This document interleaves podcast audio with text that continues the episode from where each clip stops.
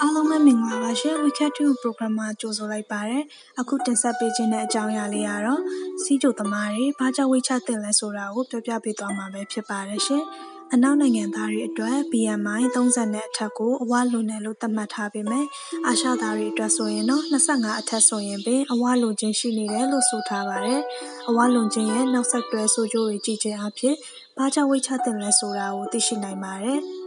ဦးနှောက်နဲ့ အာရုံကြောဆိုင်ရာနဲ့ ပတ်သက်ပြီးတော့ လေဖြတ်နိုင်ခြင်းများ ဖြစ်ခြင်းဖြစ်တတ်ပါတယ်။နှလုံးနဲ့ သွေးကြောဆိုင်ရာ ပတ်သက်ပြီး သွေးတိုးရောဂါဖြစ်ခြင်း၊နှလုံးသွေးကြောရောဂါ ဖြစ်နိုင်ခြင်းများခြင်း ဖြစ်တတ်ပါတယ်။အသက်ရှူလမ်းကြောင်းဆိုင်ရာနဲ့ ပတ်သက်ပြီး အဆုတ်မှာ သွေးခဲပြုတ်ထွက်လာပြီး ပိတ်ခြင်း၊အိပ်ပျော်နေစဉ် လေပြွန်ပိတ်ပြီးတော့ ခေတ္တအသက်ရှူရခြင်းများ ဖြစ်တတ်ပါတယ်။အစာလမ်းကြောင်းနဲ့ ပတ်သက်ပြီးတော့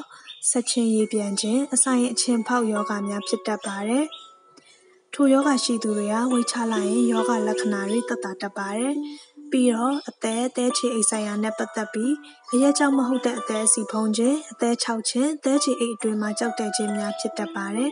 ။အရိုးအဆစ်နဲ့ ပတ်သက်ပြီးတော့ အရိုးအဆစ်များရောင်ရမ်းခြင်းများ ဖြစ်တတ်ပါတယ်။ကိုယ်အလေးချိန်ကို ကြာရှည်စွာ ထိန်းထားရခြင်းကြောင့် အရိုးအဆစ်တွေရောင်နိုင်ပါတယ်နော်။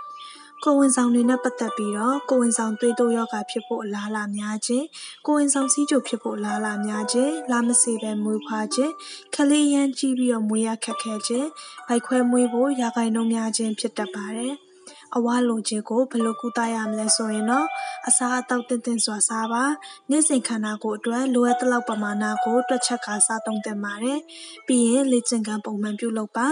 စစ်လိတ်အရက်တောက်တုံခြင်းရှောင်ခြင်းမှာလိုအပ်ရင်ဆရာဝန်နဲ့တိုင်ပင်ဆွေးနွေးပြီးဆေးတောက်ပါဒါဆိုရင်တော့ကာကွယ်ကုသလို့ရပါတယ်ရှင်ကျေးဇူးတင်ပါတယ်